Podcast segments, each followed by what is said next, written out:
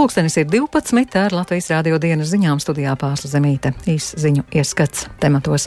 Izraels armija ziņo par triecieniem Hezbollah nometnēm, daudz neskaidrību saistībā ar ieceri par Krievijā reģistrētu auto konfiskāciju, kā pazemināt zāļu cenas. Uzņēmēji nevēlas samazinājumu uz viņu rēķina.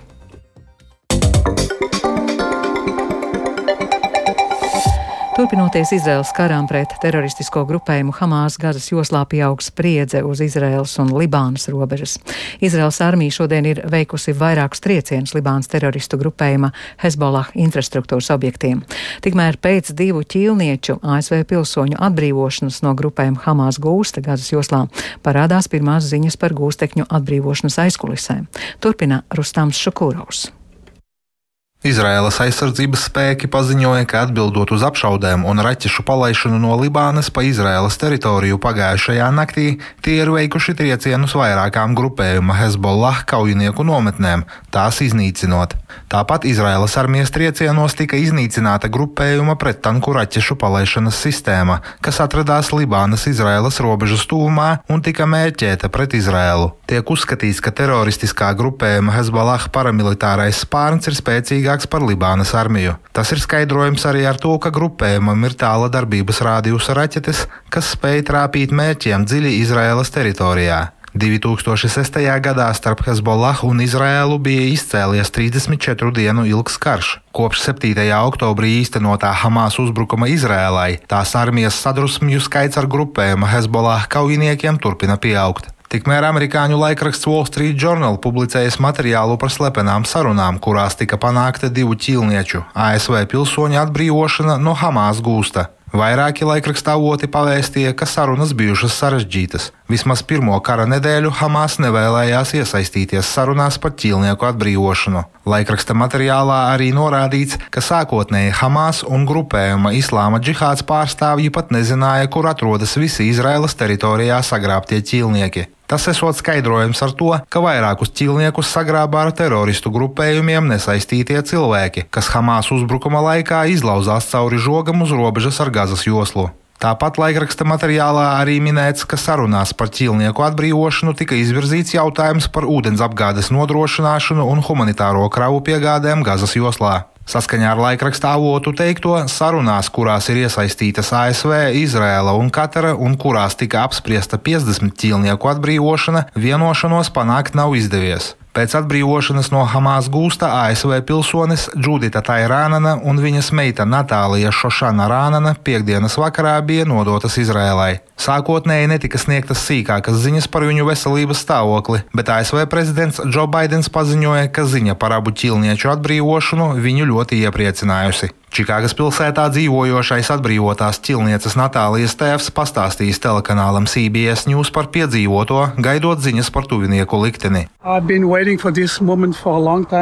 Es ilgi gaidīju šo brīdi, divas nedēļas. Nesmu gulējis divas nedēļas. Šonakt es gulēšu labi. Šodien esmu runājis ar savu meitu. Viņa izklausās ļoti labi. Viņa izskatās ļoti labi. Viņa ir ļoti laimīga. Un viņa nevar sagaidīt, kad atgriezīsies mājās. Viņas mātei ir mazs skrāpējums uz rokas, bet viņa man teica, ka tas nav nekas nopietns. Viņai viss ir kārtībā. Es iepriekš runāju ar prezidentu Baidenu. Es pateicos viņam par viņa palīdzību. Es runāju ar gubernatoru Pritskeru. Es viņam ļoti pateicos par pūlēm. Un cerams, es viņus satikšu nākamnedēļ. Nākamnedēļ ir Natālijas dzimšanas diena, 24. datumā. Un mēs svinēsim viņas dzimšanas dienu šeit, manās mājās.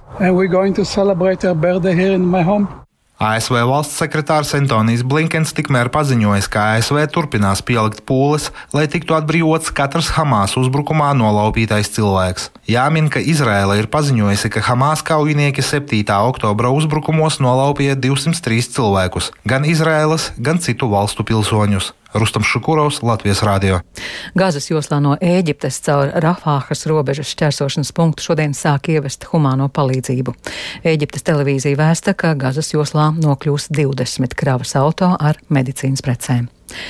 Ukrainas spēki pastiprinājuši uzbrukumus Krievijas karaspēka pozīcijām Hersons apgabalā, veikuši reidus Krievijas okupētajās austrumu krasta teritorijās, izskanējušas arī versijas, ka Kīva cenšas nostiprināt pozīcijas priekš Krievijas spēku kontrolētajā Ņepras kreisajā krastā, jo plāno tur apjomīgu ofensīvu. Savukārt Krievija sākus jaunu ofensīvu pie Avģījevkas, neskatoties uz smagiem zaudējumiem, vēsta ASV Kara izpētes institūts savā jaunākajā ziņojumā.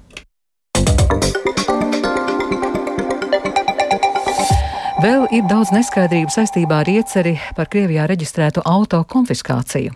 Idejai cīnīties ar ārpus Eiropas Savienības reģistrētu spēkratu vadītāju nesodītajiem pārkāpumiem ir politisks atbalsts, taču regulējuma sagatavošanā konstatēti dažādi sarežģījumi, kas prasa sīkāku izvērtējumu, un par tiem vairāk Jāņa Kīņša ierakstā. Saimā apspriedis par apņemšanos konfiscēt automašīnas ar Krievijas un Baltkrievijas numuriem, ja tās noteiktā termiņā nepāreģistrē vai neizved, sāka pēc apvienotā saraksta frakcijas deputāta Andra Kulberga ierosinājuma. Viņa pieteiktie ceļu satiksmes likuma grozījumi paredz Latvijā esošos Krievijā un Baltkrievijā reģistrētos spēkradus pāreģistrēt Latvijā trīs mēnešu laikā kopš Eiropas komisijas uzliktā aizlieguma Eiropas Savienībā iebraukt ar Krievijā reģistrētiem auto. Tomēr šī regula neatiecas uz Baltkrievijā reģistrētiem transporta līdzekļiem un uz tiem tiem spēkratiem, kas Eiropas Savienībā iebrauc pirms regulas stāšanās spēkā 12. septembrī. Šonadēļ Tieslietu ministrija nāca klajā ar atšķirīgu ieceri. Atskaites termiņu ārpus Eiropas Savienības reģistrēta auto pāreģistrēšanai Latvijā noteikti likumā. Stāsta Tieslietu ministrijas parlamentārā sekretāra Lauma Paegļa Kalna. Mēs tomēr neesam patvaļīgā kaut kādā antidemokrātiskā režīmā, kurā mēs varam konfiscēt mašīnu kādam, tāpēc vien, ka mums nepatīk. Tad mums vienmēr ir nepieciešams pamatojums, leģitīmais mērķus un arī satversmīgus izvērtējumus, ko mēs esam arī veikuši. Un tādēļ tas uh, atskaites punkts ir likuma spēkā stāšanās brīdis, kurā ir noteikts periods, kurā šie transporta līdzekļu īpašnieki var sakārtot savas attiecības arī ar Latvijas valsti, tātad kļūt redzamiem. Vienlaikus Latvijā pāreģistrēt ārpus Eiropas Savienības reģistrētu auto liedz atšķirīgu skaitīgo izmešu normas. Savukārt cilvēkiem no trešajām valstīm ar humāno vīzu nav iespēja savu auto pāreģistrēt Latvijā, jo viņiem te nav personas koda. Tomēr problēmai ar ārpus Eiropas Savienības reģistrētu auto pieļautajiem pārkāpumiem un nesamaksātajiem sodiem ir pievērsta plašāka uzmanība.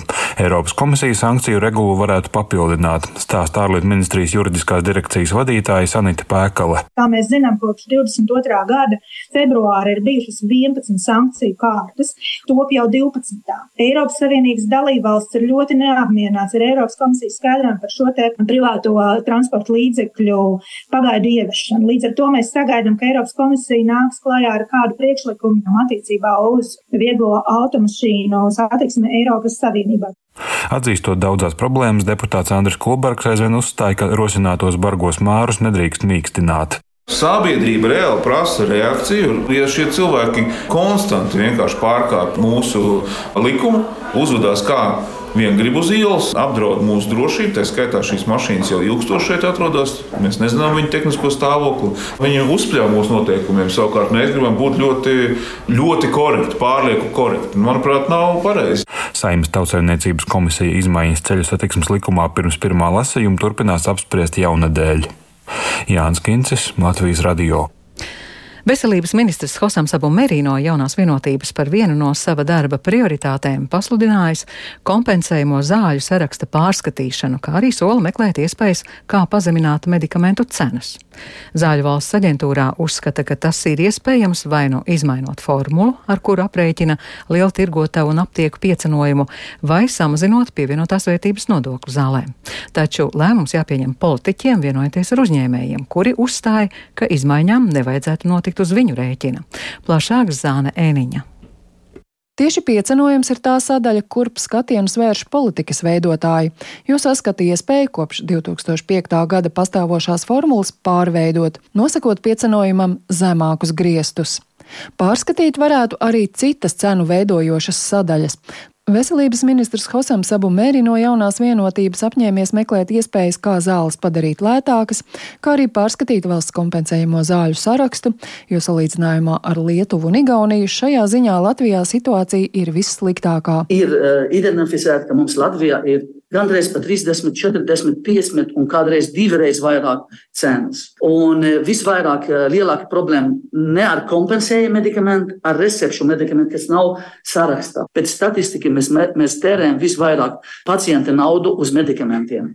Nu, ko es gribu pateikt, kolēģi? Es neiešu atpakaļ celā. Es eju kā Šlesera kunga buldozers, un es nebaidos. Jau iepriekšējās veselības ministrs no apvienotā saraksta virzītās Līgas Mendelsons darbības laikā tapis detalizēts ziņojums par zāļu finansiālo pieejamību. Tā tālāka virzība valdībā iestrēgusi pagājušā gada rudenī.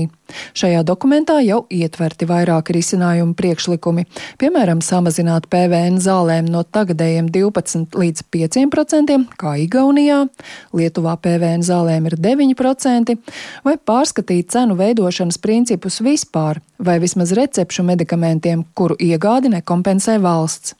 Gan zāļu ražotāju, gan tirgotāju nevalstiskās organizācijas aizstāv savu interesi pelnīt un norāda uz valsts atbildību par iedzīvotāju veselību. Kādas izmaiņas zāļu cenu veidošanā un kad varētu tikt pieņemtas, pagaidām nav zināms. Veselības ministrs plānojas nākamnedēļ un aiznākamnedēļ tikties ar nozars pārstāvjiem, novembrī šī jautājuma risināšanai veltīt vienu nedēļu, bet pēc tam aicināšot visu nozari sēdēt vienā istabā, no kuras neviens nenākšot ārā, pirms nebūs atrasts risinājums. Zane Eniņa, Latvijas radio. Šodien vairākas aktuālas sporta spēles Latvijas čempionātos. Latvijas-Igaunijas basketbola līgā laukumā dosies visas Latvijas komandas, pēc izlaša pārtraukuma atgriežas futbola čempionāts, tikmēr hokeja laukumos mazliet vairāk nekā pēc stundas sāksies duelis starp divām līderu vienībām. Lotārs Zariņš par to visu gatavs pastāstīt plašāk. Sveiks, Lotār, notikumu daudz, kam sekot līdzi! Sveiki, pāris un sveiki, klausītāji. Jā, nu, kā jau minēju, šodien laukumā dosies visas Latvijas-Igaunijas basketbola līgā spēlējošās Latvijas komandas. Vēnspils savā laukumā 17. uzņems VF Rīga, tikmēr sevis, pie sevis mājās Igaunijas komandas uzņems Latvijas Universitāte, Ogri un Rīgas Zeļi. Tikmēr Ukraiņas cienība Prometēji spēkosies ar Liepāju, bet Valmiera dosies uz Tallinu, kur tiksies ar Kalevu Kramo basketbolistiem. Pēc izlaša pārtraukuma ar 33. kārtu atgriezīsies futbola virslīgas mači. Šodien paredzēts trīs spēles. Svarīgākais duels šodien Vēja pilsētā, kur Liepāja uzņems Audu. Mainiekiem jācīnās par uzvaru, lai iekļūtu turnīra četru labāko komandu pulkā, jeb saucamajā Eiropausu zonā. Tikmēr Auda panākuma gadījumā nostiprinātos trešajā pozīcijā. Interģējošais duels Liepājā sāksies pulksten 15. Citā mačā Daugopils 13.00 uzņems līderi Rīga FC, bet Tukums savā laukumā tiksies ar vicelīderi RFS divas stundas vēlāk. Tikmēr tepat Rīgā Mogo hokeisti uzņems vienu vietu augstāk esošo kurbats vienību, otrajā pozīcijā esošo komandu. Savu pirmo uzvaru šo zonu Mogo hokeisti izcīnīja tieši pret kurbats vienību un pirmajā duelī panākums ar 3-2. Turnīra tabulā abas komandas šķir tikai viens punkts. Gaidāms aizraujošs duels. Spēles sākums Mogo Ladus halē 13.30. Lotār, kas vēl šodien aktuāls sportā? Jā, nu jāpiemina arī vakardienas sniegums uh, Kristaram Zorikam. Iespaidīga spēle ar 26 gūtiem punktiem uh, Turcijas Superlīgas mačā. Uh, Latvijas palīdzēja Alijagas Petkims sporvienībai ar 81-67 izbraukumā pārspēt Samsuns sporvienību. 26 gūtiem punktiem Zoriks pievienoja 5 atlākušās bumbas, 4 rezultatīvu piespēlēja un maču noslēdz ar koeficientu plus 19. Savukārt no nākamā gada izglītības un zinātnes ministrija iecerējusi mainīt pārvaldības modeli, pati piešķirot finansējumu sporta federācijām, tādējādi ietaupot administratīvās izmaksas aptuveni 300 līdz 350 tūkstoši eiro apmērā. Tas nozīmē, ka mainīta līdzinējā kārtība, kurā Latvijas Olimpiskā komiteja un Latvijas Sporta federācija padome piešķir bāzes finansējumu sporta federācijām. Par ieguvumiem vairāk stāsta iz, izēmas sporta departamenta vadītājs Vladimirs Steinbergs. Visu to darbību vai pārmaiņu mērķis ir A. samazināt administratīvas izdevumus, kas šobrīd ir nu, ļoti būtiskas, pārdalot valsts budžeta naudas ar nevalstiskām organizācijām, B. atstāt šo ekonomiju sportistiem, federācijām tieši sporta darbības nodrošināšanai, primāri bērniem, jauniešiem. C. padarīt uh, visu to finansējumu piešķiršanas uh, procedūru kā tādu un atskaišu procedūru kā tādu uh, caurskatāmāku, saprotamāku un ar lielāku spēju to prognozēt vairāk uz priekšu. Tik tālu par sportu un paldies Lotāram Zariņam. Ar to izskan Latvijas rādio dienas ziņas producents Edgars Kupčs, ierakstus montēja Hultis Grīmbergs par labskaņu rūpējās Īvetes Zvejniece, ar jums runāja Pārsla Zemīte. Yeah. Latvijas vidus geoloģijas un meteoroloģijas centrs informē Rīgā 4 grādi, austrumu vējš 8, brāzmas 11 m2, gaisa spiediens 763 mm, gaisa relatīvais mitrums 75%. Šodien lielākoties mākoņains, daudz vietu nokrišņi, pārsvarā lietus vietām stiprs, iespējams pērkona negaisa, stiprā lietus dēļ valsts rietumos no pulksten diviem dienā līdz sešiem vakarā izsludināts dzeltenais brīdinājums. Brāzmēns ziemeļa austrumu austrumu vējš, gaisa temperatūra 2,7 grādi, laiktips otrais labēl. Felix.